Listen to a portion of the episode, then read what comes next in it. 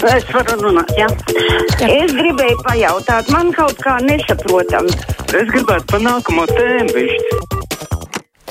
Jā, klausītāji, jūs varat zvanīt uz tāruņu numuriem 6722, 888, 672, 559, man tikai ir jāpasaka, lai skatītāji vēlāk televīzijā mums gan nezvan, jo tas jau būs tad, kad tiešraide būs beigusies. Tā klausītājs eh, Uldis raksta, kā jau uzticams Staļina sekotājs Putins padarīja par ķilniekiem pa visu Krieviju izkaisīto Wagner komandieru tuvinieks un visticamākais arī Prigožina meitu, kas nepadošanās gadījumā tiktu nogalināti, jo neviena cita iemesla atdot gatavu uzvaru nebija omonisti un rozgvardieši, kas pieraduši daudzīt skolnieks un večiņas nekāda pretestība nebija izrādījuši, bet 95% Krievijas kaujas spējīgo spēku atrodas Ukrainā. Tāda versija ir klausītājiem Uldim. Es pacelšu klausulu. Labdien, esat ēterā. Jā. Labdien! Man liekas, ka neievēro Turcijas prezidentu Erdoganu. Tas tā zvanīja pirmais Putinam. Nu, jā, zvanīja, bet uh, nu, par to jau arī laikam nav stipri jābrīnās. Nika gan prasa studijas ekspertu versiju, bet, diemžēl, viesi jau mums ir prom, bet, nu, Viņa atgādina, ka bija versija, ka tas viss notikums ir bijis teātris, lai Prigožina ar visu Vāgneru pārcelt uz Baltkrieviju un tādējādi veiktu negaidītu uzbrukumu Ukrainai. À, bet vies jau komentē šo, ka tas ir tāda, tāds nereāls variants. Tā klausītājs vana. Halo! Labdien! Labdien! Man ir tāds doma, ka vai tas nebija tomēr dziļāk, kad nu, Putinam pietuvinātiem miljardieriem ir vienkārši apnicis viņi redz, ka viņiem var pazust viņas, viņu miljardi. Un ka kaut kāda vienošanās notikusi ar Prigožinu, nu, lai sākotnēji varbūt militāro varu gāstu, no nu, pēc tam jau Putins pats par sevi teiksim, tiktu gāzt. Paldies! Jā, nu, paldies par jūsu versiju, bet jā, tā Putina gāšana arī tiek apšaubīta. Tā cits klausītājs raksta, Kremlis ar Prigožina privātu armiju gribēja spēlēt Krievu rulēti, bet Prigožins atbildēja ar Kremļa rulēti un acīm redzot saņēma kompensāciju par zaudēto rūpalu pārdodot Kremlim sekus. Tā, kad īraus esot steidzis aizsargāt Putinu un iesprotuši korķī. Jā, tie kadīravieši, kas tur metās lēnām, tie bija tādi interesanti. Klausītājs zvana, labdien!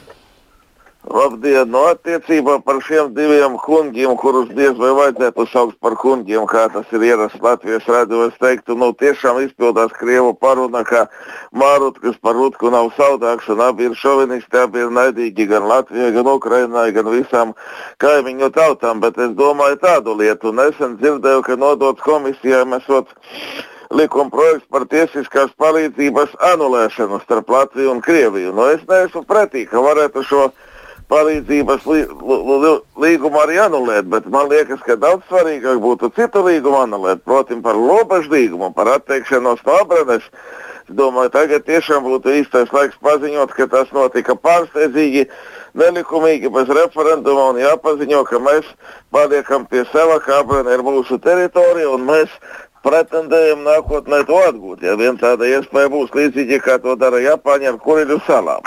Tas būtu Jā, paldies. Es gan nevaru saprast, kāpēc jums iepriekšējie viesi tā nepatika, bet jā, paldies par viedokli.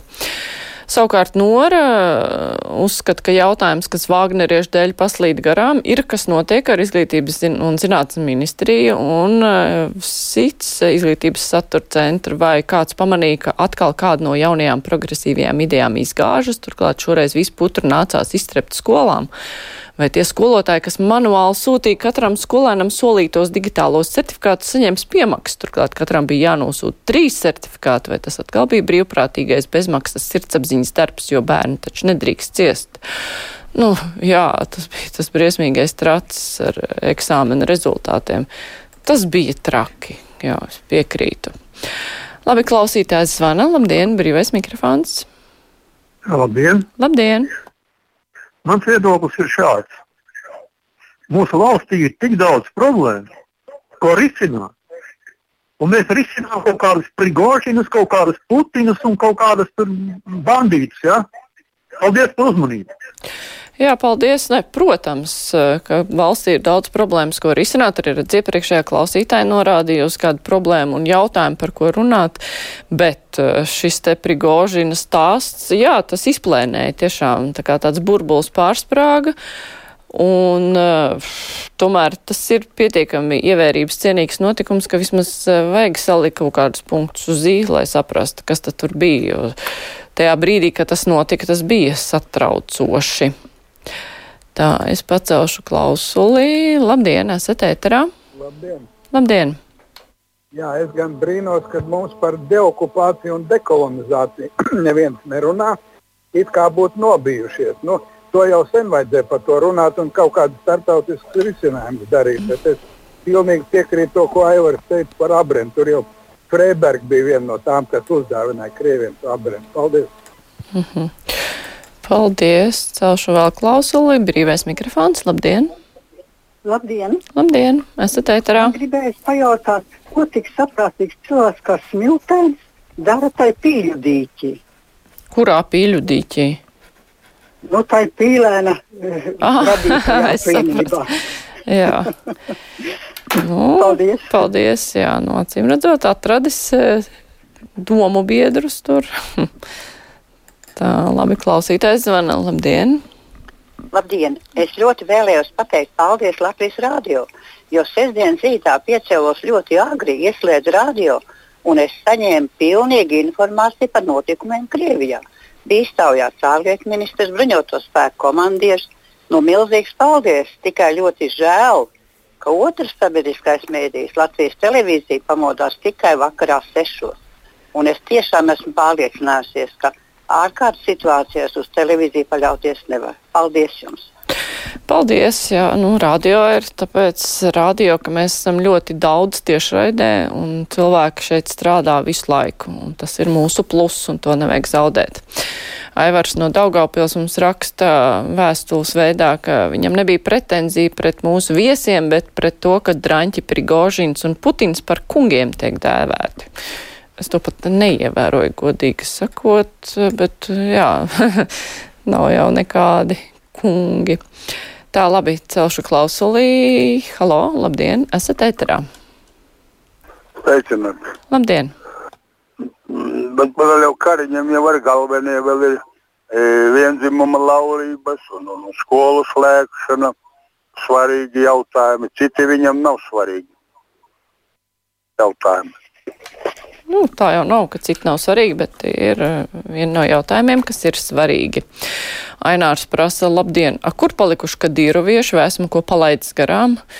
Kadīrovieši taču aizskrēja uz Rostovu, ja nemaldos, tikai tā, tā pavēlāk. Savukārt Gustavs prasa, diez ko mēs darītu ar abreni, knapi varam attīstīt latgali, kur nu vēl abreni.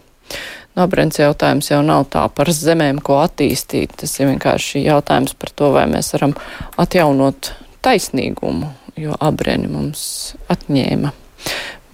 Tā, klausītājs zvana. Labdien! Labdien! Labdien! Piekrītām zvanītājiem, kurš saka, ka Latvija pašiem jārisina savu problēmu, nevis basties Krieviju, lai Krievija paši risina savu problēmu. Paldies! Paldies! Skaidrs, ka mēs nerisināsim Krievijas problēmas, bet tas, ka Krievijas problēmas var ietekmēt mūs, ja tur aiziet pavisam traki, nu, tas gan ir fakts, un tāpēc par tām vismaz ir jāzina. Ne jau nu, tur kaut kas jārisina. Bet arī māja saka, beidziet risināt Prigožinu un Putina problēmas. Sāciet beidzot rūs, runāt par mūsējām. Ne valdībā, ne saimā nekas neiet uz priekšu, notiek tikai tirgus. Nu, par to valdības tirgu mēs runāsim rīt un to, kam ir jāiet uz priekšu. Tā, tā nebūs. Mēs vienkārši kruspunktā tomēr arī par šo jautājumu gribējām izrunāt, jo tas būtu dīvaini, ja mēs izliktos, ka tā nebija. Cik klausītājiem daudziem ir viedokļi, tas nozīmē, ka arī mums ir jārunā. Labi, ceļu klausuli, brīvais mikrofons. Labdien! Labdien! Nu, es arī esmu no tiem, kad Nu, beigsim vienreiz tur mācīt tos krievus un, un tos uh, uh, ukraiņus, kā karot. Galu galā viņiem ir savi.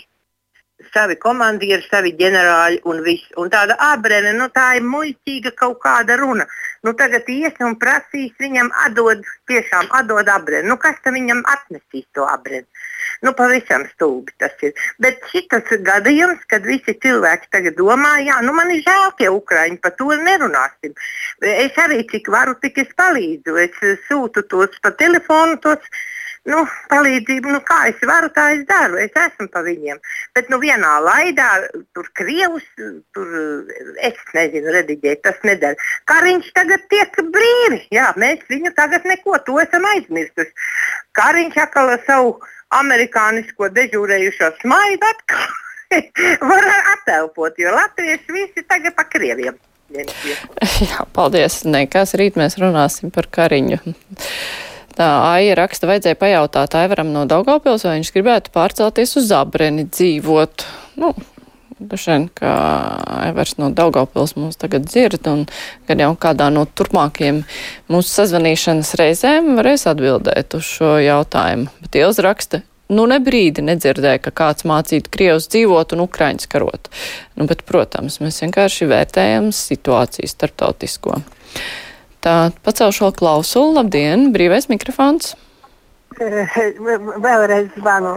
Zināt, pārmetums vairāk Vīkie Freiberga par Abreni ir galīgi nevietā, jo tā bija vienīgā, mums bija, nebija noslēgts līgums ar Krieviju un strīds par robežu. Un kamēr tāds strīds mūs neuzņemtu NATO.